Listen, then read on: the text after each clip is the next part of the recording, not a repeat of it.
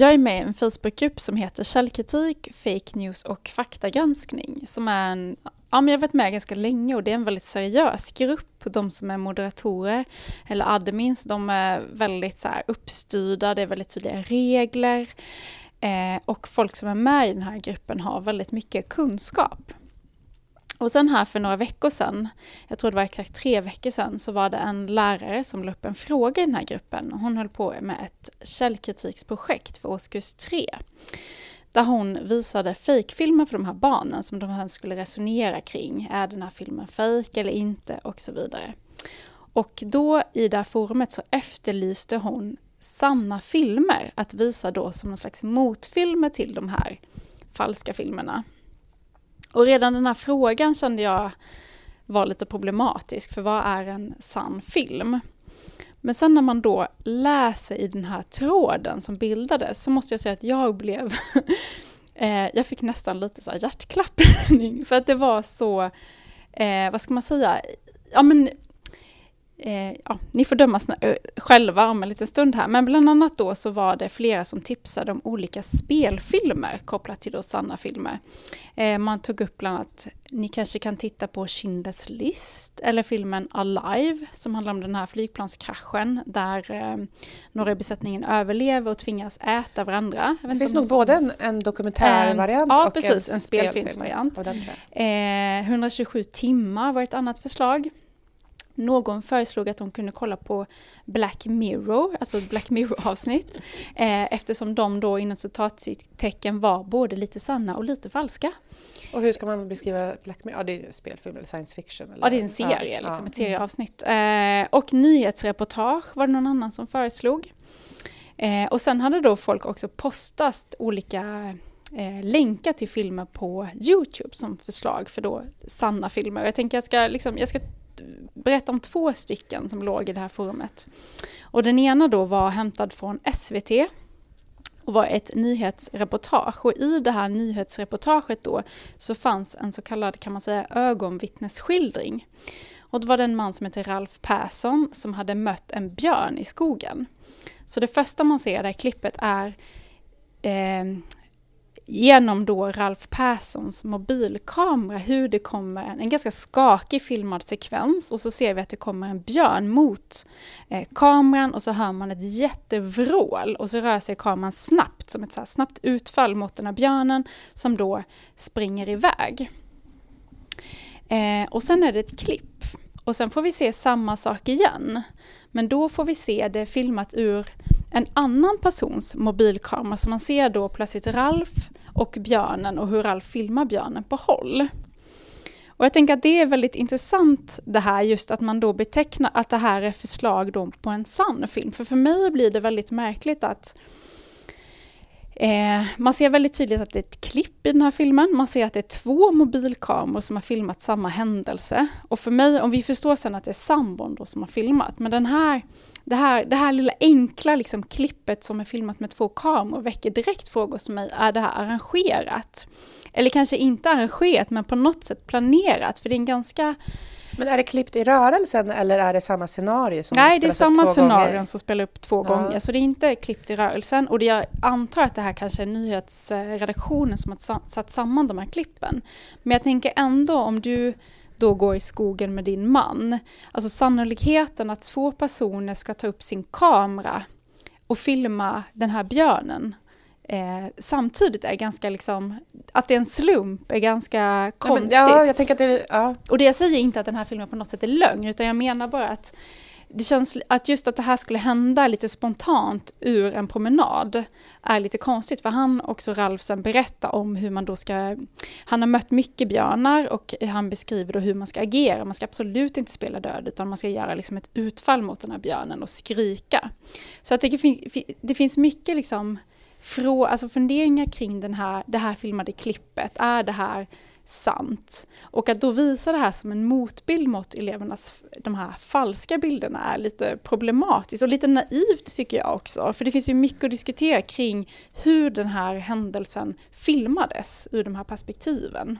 Alltså jag tänker att det, det var ett, ändå ett ganska intressant exempel jämfört med de andra. För man kan ju spontant tänka att det kanske finns något mer objektivt av att få se en händelse skildrad från två olika vinklar. Alltså så kan man ju Mm, tänka mm. det första man tänker. Det första spontana. Eh, men sen kommer man ju vidare i det du säger att men, vad är det egentligen som hänt bakom den här inspelningen? Hur sannolikt är det som Mm. sagt?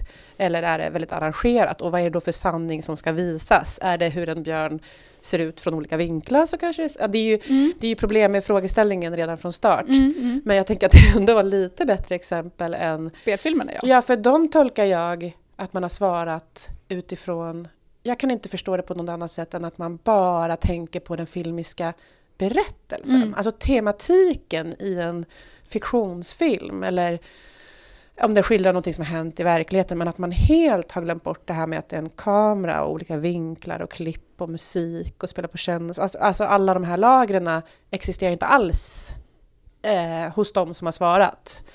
Eh, för där blir man ju nästan, man blir väldigt förvånad över att de skriver sådana svar på en sann film. Eh, och då tycker jag det här var lite bättre, men här kommer ju flera sådana. Mm, aspekter. Ja, Men också frågan är ju lite, eh, frågeställningen är ju lite Den problematisk, är lite från problematisk start. i sig, absolut. Men sen tänker jag, det här kommer ju komma in lite, lite senare på att när man ser den här filmen då, den här ögonvittnesskildringen, om man ska kalla det då, eh, hur skapar man mening av det man ser? För det gör man inte riktigt. Man, man hör det här skriket och man ser den här björnen, men i nyhetssändningen så ligger det också en berättarröst som beskriver vad det är som hände och sen så har man då också intervjuat Ralf Persson som också berättar om det här. Så att det här filmklippet bakas ju in i ett narrativ, alltså en, en nyhetsberättelse. Annars skulle man absolut inte ens kunna förstå det man såg. Så att det, där har det ju också hänt någonting, hur den här eh, nyhetsredaktionen berättar om händelsen, hur Ralf då i efterhand kommenterar hur man ska bete sig. Så att det är liksom, det finns mer lager i det här än bara de här klippen. Men, men ett annat exempel som jag också tycker var intressant, och nu tar jag de här två som ändå är rimligast, eh, och det är ett klipp som heter First 172 World Record High Dive. Och då är det en man som ska hoppa en trampol- på en trampolin som är 172 meter hög Gud vad Ner i- svindel bara att ner i en pool.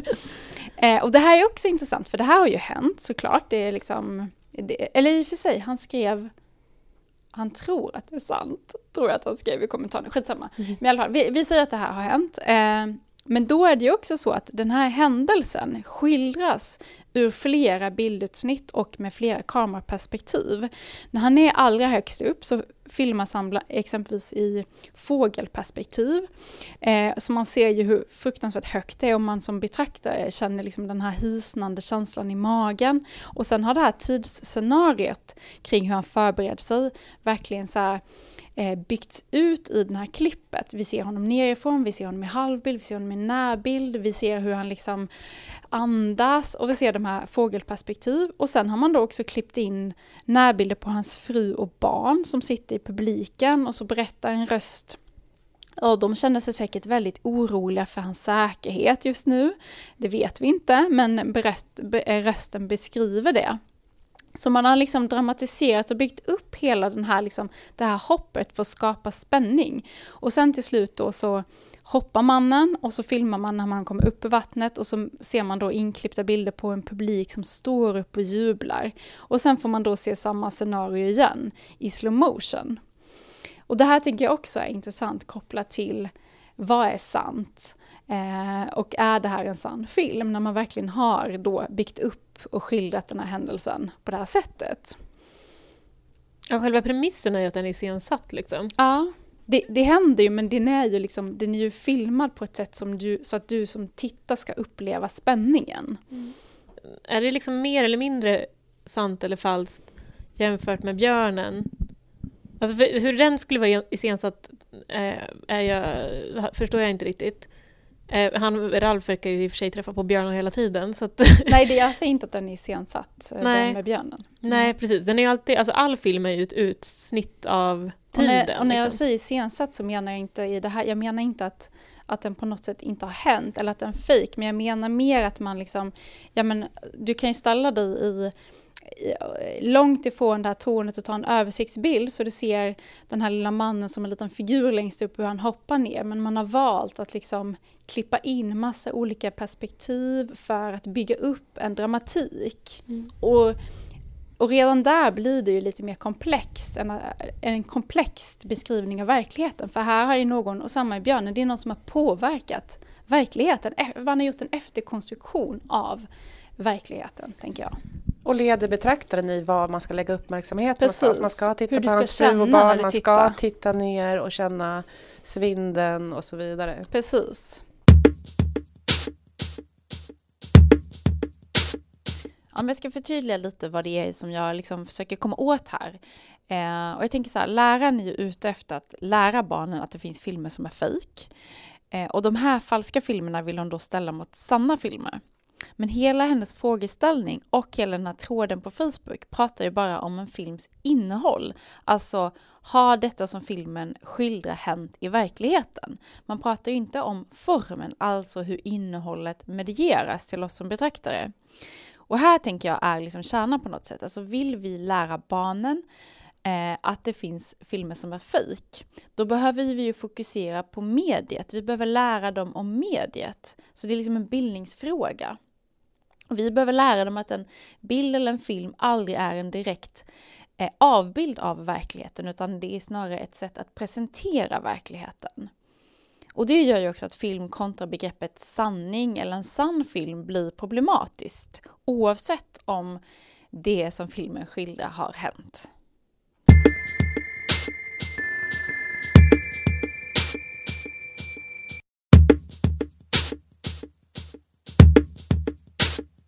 Jag tycker det är intressant med den här eh, tråden på Facebook när man diskuterar sanna filmer och just vad man läser in då i en film. Om man överhuvudtaget ser det här med klipp och vinklar, dramatisering, ljud och så vidare. Eller om man bara upplever kanske någon slags berättelse som refererar till någonting som har hänt eller så.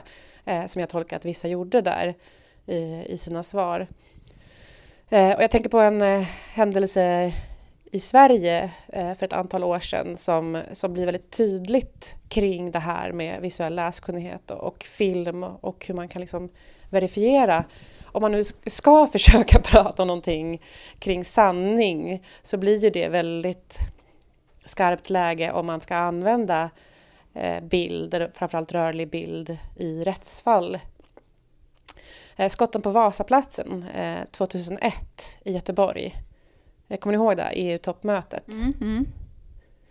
Det var Eh, det, var, det, var, det är en historisk händelse i Sverige för det var första gången sedan Ådalen 1931 som polisen skjuter skarpt mot civilbefolkning. Eh, det, var, det var väl åtminstone, eller det var en person som träffades i magen av skott från polisen. Eh, om man tänker 2001 så, så var väl det här ganska, ganska precis det här brytningsskedet när digitalkameran eh, var på frammarsch. Jag kommer ihåg att jag fick en kamera i studentpresent 99 och då var det en analog kamera. Och sen när min lilla syster tog studenten så fick hon en digital. Eh, jag tror att det var någonstans där det började liksom att fler och fler eh, gick omkring med digitala kameror. Även om man inte hade så smarta telefoner som idag. Eh, och det var ett EU-toppmöte då i, i, Göteborg och aldrig tidigare så har en enskild händelse filmats och avbildats av så otroligt mycket kameror. Att det fanns media på plats, poliser, privatpersoner, alternativa nyhetsrapportörer. Eh, och det blev, ju, det blev ju kaos i stan. Eh, och eh, ja, kravaller och det var ju jättemycket eh, människor som blev eh, ställda inför rätta eller i alla fall eh, frihetsberövade. Och i de här rättegångarna så hade filmat material en väldigt stor roll som bevismaterial.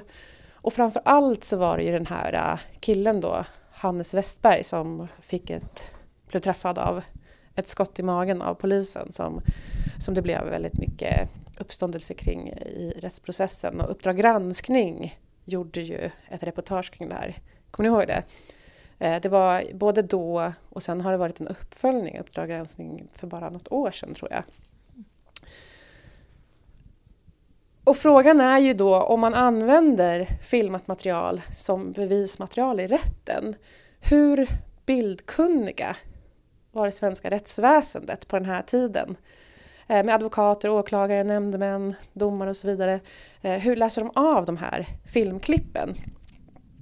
Och Uppdrag granskning gjorde en granskning parallellt där och de drog in Filmhögskolan i Göteborg. Jag tror vi nämnde Göran Durés redan i förra avsnittet.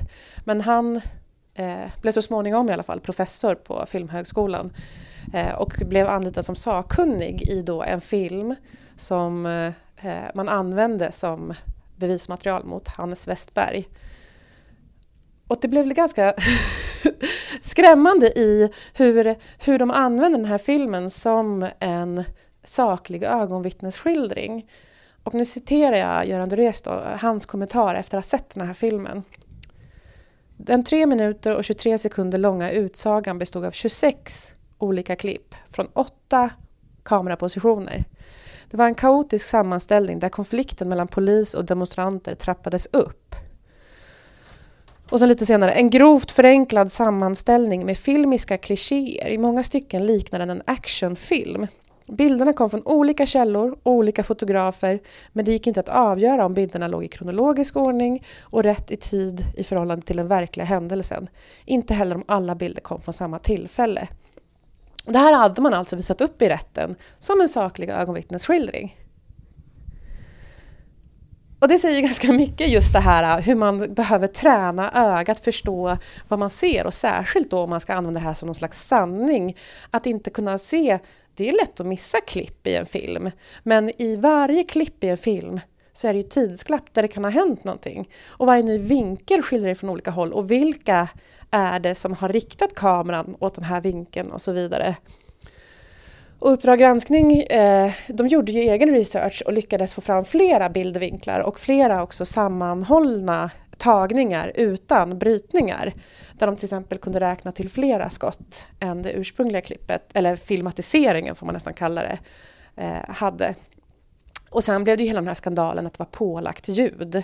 Att man hade just gjort det här, eh, lagt på en, en hetsande folkskara, alltså ett mässande ljud som så skulle liksom, ja, trappa upp stämningen som leder till att polisen liksom upplevde det här hotet och var nödgade till att avlossa skott. Så att man har ju verkligen liksom eh, byggt upp då en dramaturgi för att verifiera eller förklara polisens handlande.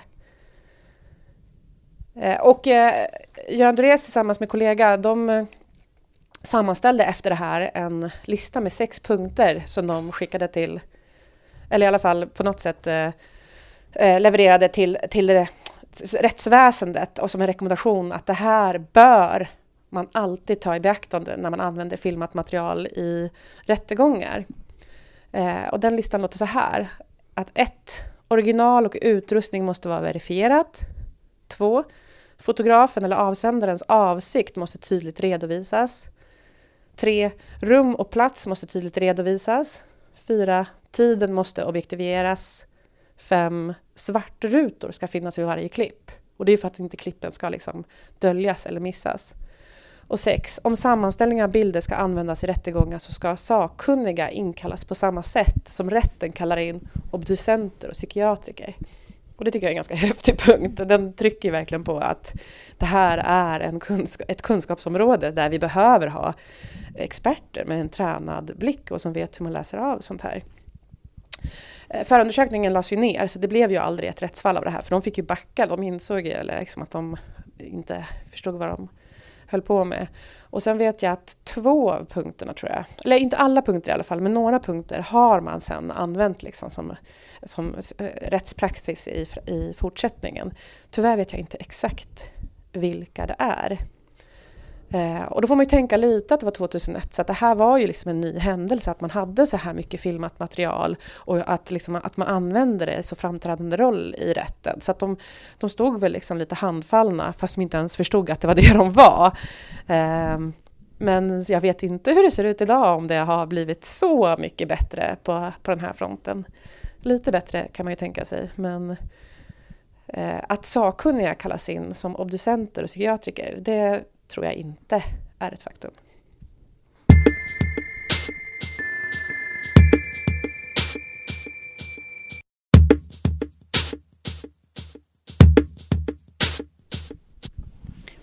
Men jag tänker att det är också intressant kopplat till att vi i vår västerländska tradition eh, då tänker oftast att ett vittnande eh, baseras på ett förstahandsseende, alltså ett så kallat ögonvittnesmål. Eh, men det, även om du själv var på plats så kan det ibland vara svårt att så här, hur skapar man mening av det man sett? Alltså såg jag rätt och tolkade jag framförallt det jag såg rätt? Eh, och för att kunna då berätta om de upplevelserna, det man sett, så behöver man ju samla minnen eller intryck och upplevelserna och bearbeta dem och, och liksom väva in dem i en slags narrativ form. Alltså man måste berätta en berättelse av det man har varit med om. Och jag tänker att det här blir också intressant kopplat till kameran som då ett så kallat ögonvittne. Eftersom filmen då låter oss bevittna, vi som inte var på plats. Och filmen skapar liksom den här seende gemenskapen, alltså vi tänker att nu är vi där och ser. Eh, så även de som inte var med då vid den här händelsen får, en, får tillgång till seendet kan man ju säga. Eh, men då är ju också frågan, hur skapar man mening av de här rörliga bilderna som spelas upp, låt oss säga då i en rättssal. Alltså filmen blir ett avtryck av att någonting har hänt, men vad? Det är lite som Björnen också. Om man inte skulle få det här nyhetsreportaget som beskriver om Ralf, hur skulle jag då förstå vad det är jag ser? Alltså man behöver ju en kontext och ett sammanhang. Och jag tänker även om man har ett helt oredigerat material framför sig så är det otroligt svårt att då skapa mening av det jag ser och hör. Nu pratar du om ett material som är redigerat. Och då kan man ju bli extra sugen på ja. att kanske lägga på lite ljud som skapar en mening Precis. som flera gör då på grund ja. av stämningen eller, ja. eller vinkeln. Eller tänka att det är ett mer sant material om det är oredigerat. Men det är fortfarande otroligt svårt då att skapa den här meningen. Eh, och att man alltid då behöver baka in de här rörliga bilderna i ett narrativ för att kunna förstå. Och då blir det ju genast lite mer vanskligt. I en rättegång så blir det också, filmerna blir en del av den här berättelsen om brottet eller händelsen. Och den här, det här narrativet eller berättelsen kommer ju alltid påverka hur jag tolkar det jag ser, det så kallade ögonvittnesskildringen eller vittnesmålet. Det är väl så både advokater och åklagare alltid jobbar, är ja. inte det? Utan att jag är jätteinsatt. Men alltså de skapar ju ett narrativ kring den, den eh, åtalade. Där de försöker skapa två motsatta då som liksom övertygande ska berätta antingen det ena eller det andra. Och vad kommer då liksom ett bildmaterial in? Hur, ja. hur, vilket narrativ landar det i och vems blick ska avgöra det? Jag, bara så påminner, jag kommer att tänka på ett jättegammalt så här, citat som jag hörde för länge sedan som jag sökte upp igen igår. Eh, och det är en fransk filosof som heter Jacques Ranier, kanske? Något franskt pinsamt uttal, men i alla fall. Eh, och han skrev angående det här moraliska, eviga moraliska dilemmat kring att så här, fotografera eller filma. Och då menar han liksom att filosofen kommer alltid anklaga fotografen, för fotografen har velat bevittna, men det sanna vittnet är den som inte har velat vittna. Det är någonting som sker i en när man plockar upp sin kamera för att filma någonting. Man vänder inte bort, man springer inte sin väg, man blundar inte för det otycka, utan man gör en aktiv handling. Man bevittnar. Det tycker jag ett, det är intressant i det här sammanhanget också. Ja, för kameran är ju inte bara en förlängning av ögat utan verkligen en del av eh, tankeprocess också.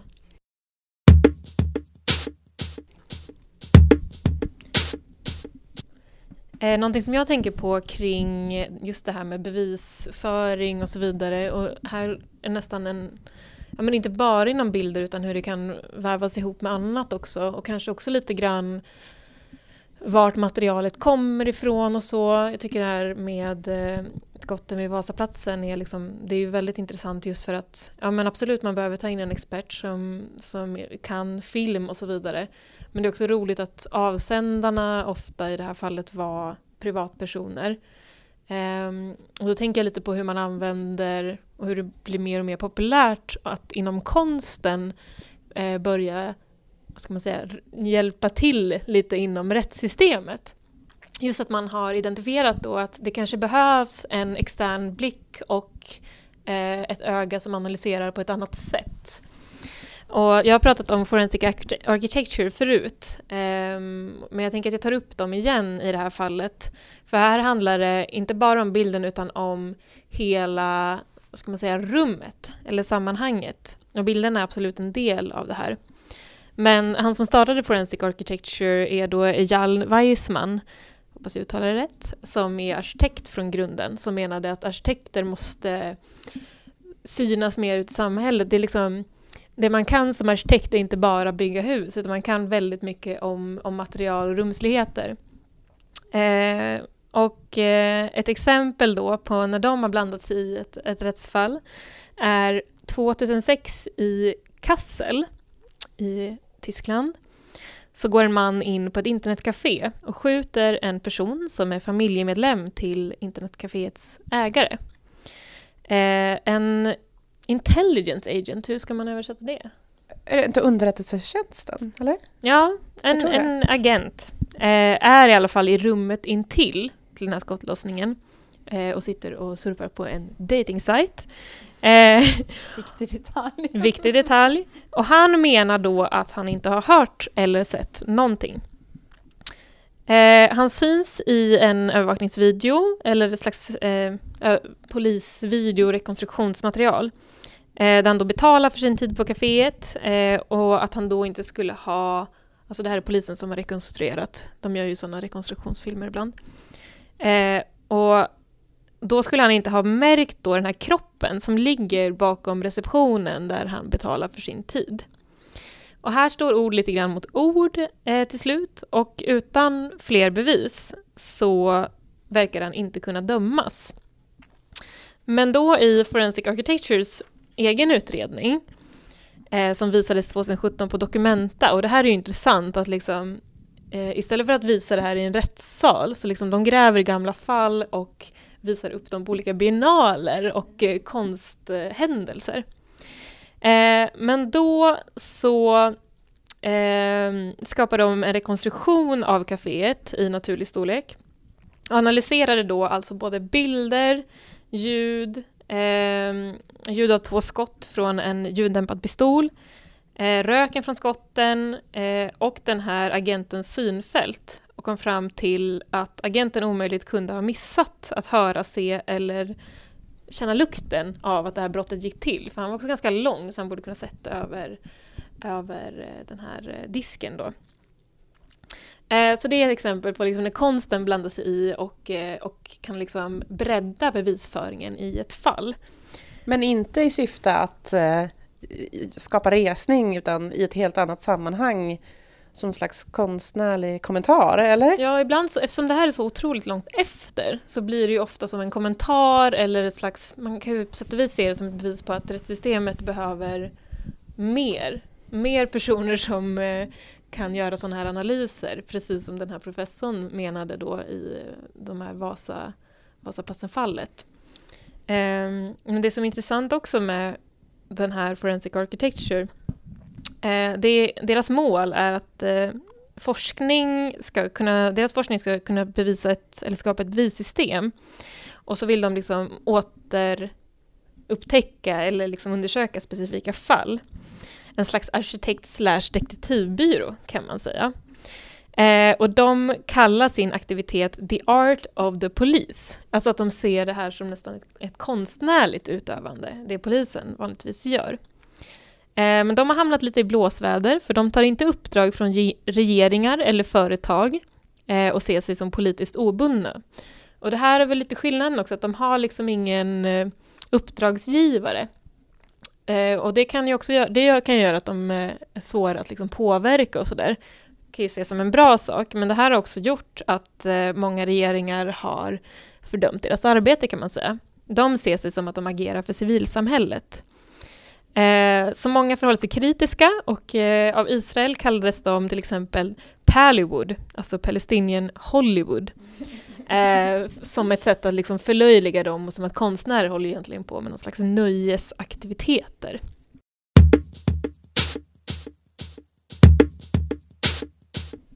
Eh, Ett annat exempel på en konstnär som eh, också gett sig in i det här med bevis, bevisföring är Lawrence Abuhamdan. Eh, och det här verket såg jag i Berlin för någon månad sedan. tyckte det var väldigt intressant. Och nu kanske vi rör oss lite från bilder, men han hade också bilder. För det finns en lite speciell metod i när man löser olika brottsfall som heter palatografi. Eh, och då visade han upp en serie kolteckningar och fotografier. Och eh, palatografi då är en väldigt speciell metod används för att identifiera vilka delar av munnen som används vid olika ljud. Så man använder olivolja och kol på tungan eller liksom i gommen eh, medan personen då uttalar ett visst ljud. Eh, spåret av det här fonemet trycks sedan på träkol. Alltså jag vet inte riktigt hur det här går till. Jag skulle gärna vilja se det här hända. Alltså, för det är liksom eh, munhålan som Ja. Är avtrycket. Precis. Alltså inuti munnen. Ja. och hur liksom munnen rör sig.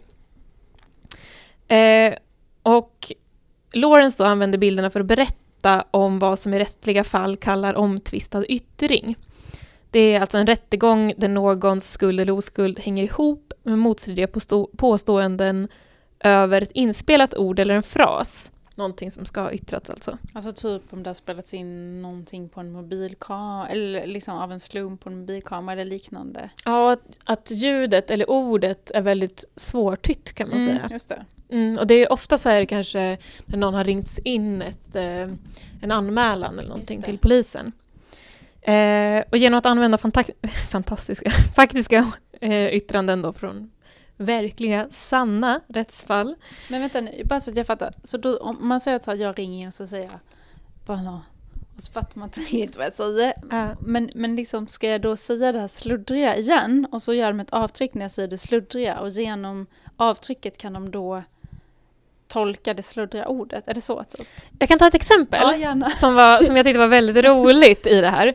För att vid varje sån här bild på en, en mun, eller man ska säga, ett sånt här avtryck av munnen, eh, så fanns det en liten berättelse till. Och det var oftast liksom att ett ord lät som två olika saker.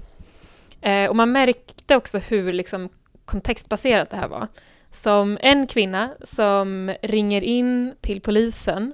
Hon är en fransk kvinna som bor i London.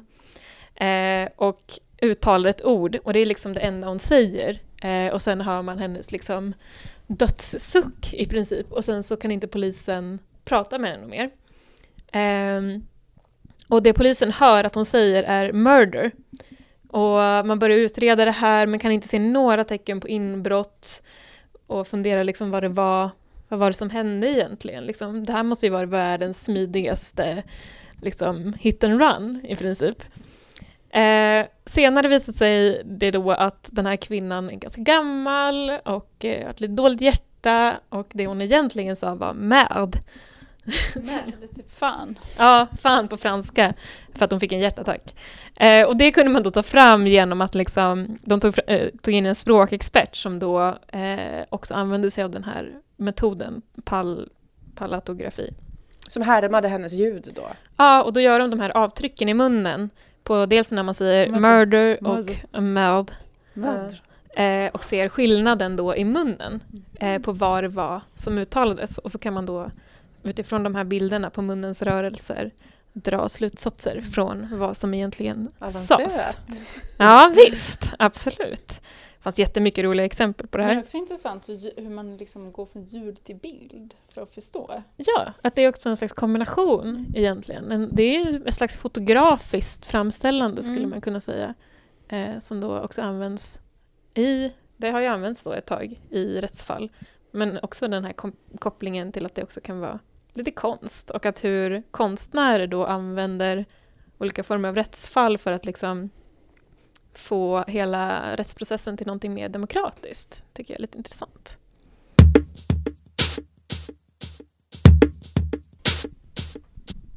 Ja, men ett motsatsfenomen som blir vanligare och vanligare är ju inte bara det här att eh, vittnen då filmar ett brott utan eh, istället gärningsmannen själv som på något sätt dokumenterar sitt brott. Eh, och vi har sett ganska många exempel de senaste åren på hur misshandlar sprids på Snapchat eller läggs upp på Facebook eller att man livesänder en våldtäkt. Och DN hade en artikel om det här i, eh, i februari. Eh, och då är det bland annat kriminalinspektör Lena Larsson som pratar om det här och menar att det här blir allt vanligare och i första hand gäller det ungdomar än så länge. Eh, och hon menar att det hänger ihop med att det inte finns någon skillnad mellan då internetlivet och det vanliga livet. Så de som eh, utför det här brottet, de tänker inte att de dokumenterar ett brott utan de dokumenterar sina liv. Men den här filmen eller filmerna sen då kan ju användas som bevis och vittnesmål. Det tänker man liksom inte på i stunden. Men sen har de också intervjuat då en kriminolog som heter Sveinung Sandberg som är ehm, eh, verksam forskare vid Oslo universitet och han har tittat på 51 norska rättsfall där gärningsmän har filmat eller fotat antingen sina offer eller då själva brottet. Och enligt honom så tar man ofta de här bilderna eller filmar på impuls. Eh, och inom kriminella kretsar kan ju ett av skälen vara att skicka ett budskap. Men i de flesta fallen så finns det ingen rationell förklaring till varför man gör så här. Men han har då spekulerat, eller han diskuterar, resonerar kring lite olika anledningar. Och att eh, en aspekt av det, menar han då, är att börja filma, det är som att ge sig själv huvudrollen i en berättelse. Och enligt då Sandberg så kan det här också göra att gärningsmannen går över gränsen i brott, på ett brott på ett sätt som man inte skulle gjort annars om man då inte såg sig själv utifrån som någon slags huvudperson i filmen. Man vill göra en bra film? Ja, han skriver exakt så. Eh, gärningsmannen, alltså att man filmar kan göra att brottet blir värre för att gärningsmannen är inom citattecken inställd på att göra bra film. Eh, och det kan också bli ett värre brott om gärningsmännen försöker härma filmer som de har sett. Det har han också då upptäckt i vissa intervjuer, att vissa har liksom angett filmiska förebilder som man då har velat eh, efterskapa. Liksom. Eh, och när de gör det så skapas en distans mellan dem själva och handlingen. Så i stunden så blir handlingen mindre verklig för att man också samtidigt filmar, så kameran ställs mellan handlingen. Man skådespelar i princip? Ja, precis kan man säga. Eh, och också pratar då Sandberg om att man i stunden när det här brottet begås kan uppleva en känsla av att man är med om någonting som är extraordinärt i livet. Och det här extraordinära, det bör ju dokumenteras. Men sen så finns det också Eh, baks, ja, det finns ju såklart flera baksidor av det här. Eh, men en aspekt är ju offrets lidande, tänker jag. Att de som drabbas, de drabbas ju inte bara av handlingen, utan de eh, drabbas också av den här förnedringen av att handlingen dokumenteras och sen så sprids och skickas till andra för att tittas på. Eh, och sen så är också då Lena Larsson, som är kriminalinspektören i början av artikeln, hon förtydligar också att bara för att ett brott har filmats så är det inte alltid lätt att döma de som är skyldiga. Och vi har ju varit inne på lite aspekt av det. Hur, gör man, hur skapar man mening i det som man ser? Vad hände innan det filmade och vad hände efter och så vidare. Men också att de här då filmerna och bilderna sprids kan göra så att eventuella vittnen, alltså folk som var med och såg det här då IRL, eh, ser filmerna och det kan ju påverka minnesbilden. Att det är svårt att veta om de känner igen gärningsmannen därför att de var på plats eller för att de sen såg filmen efteråt.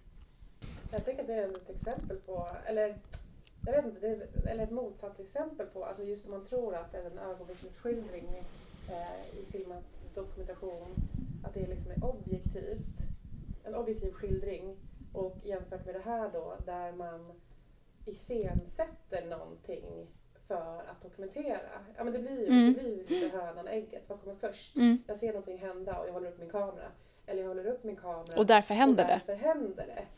Och jag tänker att det pågår mycket sånt idag. Alltså hela det här mediera sig själv. Alltså iscensätta sig själv i sociala medier, visa att man har ett lyckat liv, få huvudrollen i en film med mycket action, ja, det blir grovt våld. Alltså hela den biten. Och och det finns ju alltså terrordåd, alltså här riktigt grova brott som eh, där man livesänder och mm. där eh, vad heter det, gärningsmännen pratar med varandra. Att man gör något rop att det här är för att eh, var, det var ju någonting Christchurch, alltså han, vad, vad refererar han till? Det var, jag minns att det var just att han refererade till ett nyligen begått terrordåd, att det liksom genererar sig självt det pågår någon slags samtal mellan gärningsmän. Ja, det man... precis. Mm. Och det var ju nu i början av februari också, någon sån här vansinnesdåd. Eller... Men det är också han som, det var menat han som skrek om Pewdiepie. Det var ju också en som livesände sitt brott som skrev, skrek om Pewdiepie, vilket gjorde att Pewdiepie var, in, var tvungen på sin kanal att liksom ta avstånd från den här mannen eller personen. Yes. Och det som hände då var ju att han fick ju skitmycket uppmärksamhet, gärningsmannen såklart. Så det, det är ju liksom så här, en PR liksom... funktion mm. idag, alltså det här samtalet, att man kommunicerar både på privata Väldigt plan, genomtänkt. men också liksom på de här globala planen med influencers och terror terrorister. Eh, eh, ja, stora slängar liksom. Men det var ju i början av februari nu också som de var vansinniga ståd i Bangkok. Mm. En militär som eh, sprang in i ett köpcentrum och sköt ner eh, jättemånga människor. Och livesände eh, på Facebook, tror jag det var. Och hade han gjort det, det är bara en spekulation, men just så här, hade han gjort det om han inte hade fått den här, det här uppseende, liksom, eh, uppmärksamheten. Det... Ja men, det tänk, ja men jag tänker också att det, och det är samma med alla de här propaganda, IS-propagandafilmerna, de liksom filmar avrättningar. Det är också, de, filmerna görs ju i, i liksom avskräckande propagandistiska syften, men om det inte hade funnits möjlighet att filma och sprida dem, hade man ens gjort handlingarna då? Ja. Alltså det, det är någonting här som är väldigt otäckt. Och också det här med faktafiktion, för det tänker jag också hänger ihop med att göra, om man då ska liksom vara huvudrollen i en, en häftig film. Eh, så läste jag just det här i Christchurch eh, när han livesände på Facebook och det låg kvar väldigt länge. Att Facebook förklarar varför det låg så länge är att de har en AI som ska läsa av alla de här materialen. Och den har lärt upp sig att läsa av våldsdåd då i självmordshandlingar och andra sorters våldsdåd. Men att det här var så grovt så den har inte lärt sig det utan den tolkar det som en, ett tv-spel. Alltså något sånt eh, skjutspel liksom. För att det var så många som dödades på ett så brutalt sätt. Eh, det, det är något Mm. sjukt, eller otäckt över det. Men, men just det här med vad som är fakta och vad som är fiktion och hur man iscensätter saker för att man Mm. vill vara en del av det här filmiska eller tv-spelsmässiga. Eh, det suddas ut. Jag tänker också mycket på den här Netflix-dokumentären eh, som har världens fånigaste namn. Eh, Don't fuck with cats, eller på svenska Tassarna borta från katterna. Eh, som handlar ju väldigt mycket om precis det här och jag tycker att en intressant aspekt blir också det här med det som du säger Elin, att eh, det blir ju liksom ett bevis som ligger kvar i telefonen och speciellt när man lägger upp det här på olika sajter och på internet att man kanske inte riktigt tänker på vilka heller som tar emot det här. Det som är intressant i just det här fallet med eh, katterna då, då, det handlar alltså om en kille som lägger upp videos eh, när han torterar katter och eh, liksom tar livet av kattungar. Han lägger upp det på Youtube. Han har väl tänkt lite grann på det här med att han ska försöka vara anonym som, som användare och liksom han startat ett konto specifikt för det här som är väldigt svårt att spåra.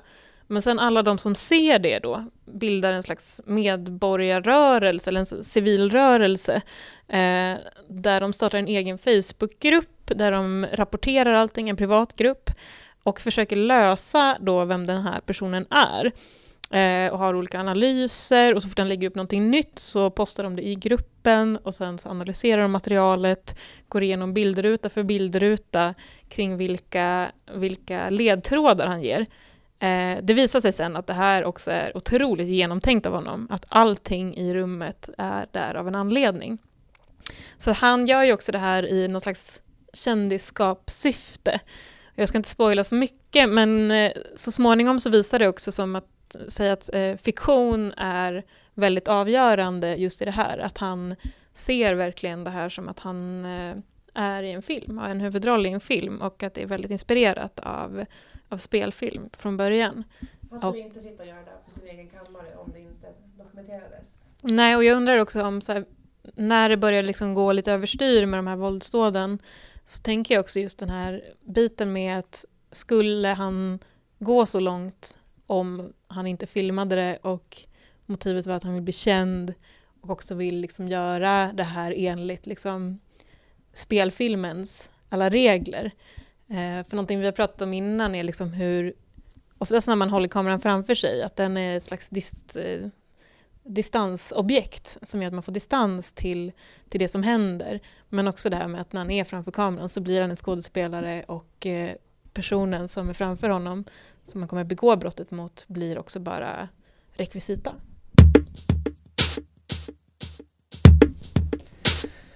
Eh, på Berkeley University i Kalifornien så har de eh, någonting som heter The Rashomon Project.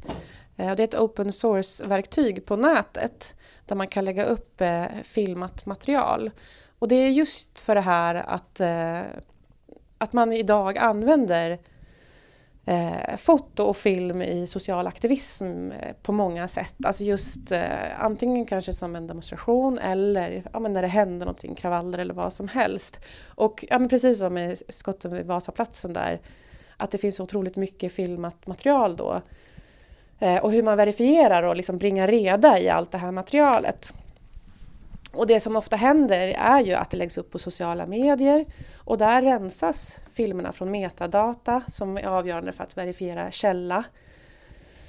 Eh, och när filmer blir virala så är det svårt att liksom veta varifrån de kom, vem som var ursprungskällan och om det har manipulerats eller klippts eller ändrats. Och att visningsmöjligheterna på sociala medier är ju liksom en filmskärm eller en ruta. Och det man kan se då i Rosherman Project eh, det är just att det är tidslinjer med tidskod.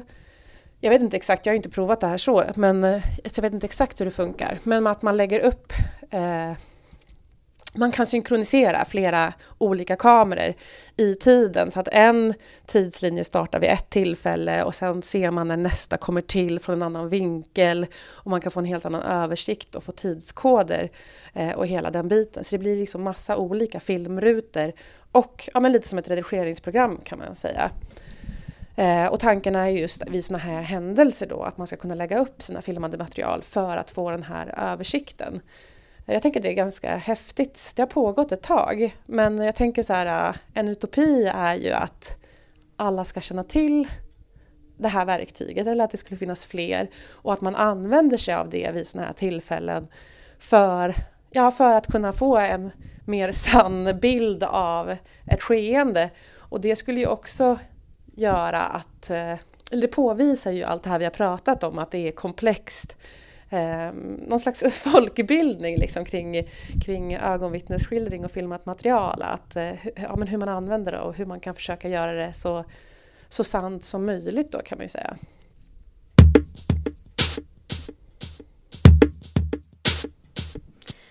Ja, och det var allt för den här gången. Eh, vi vill tacka alla er som har lyssnat.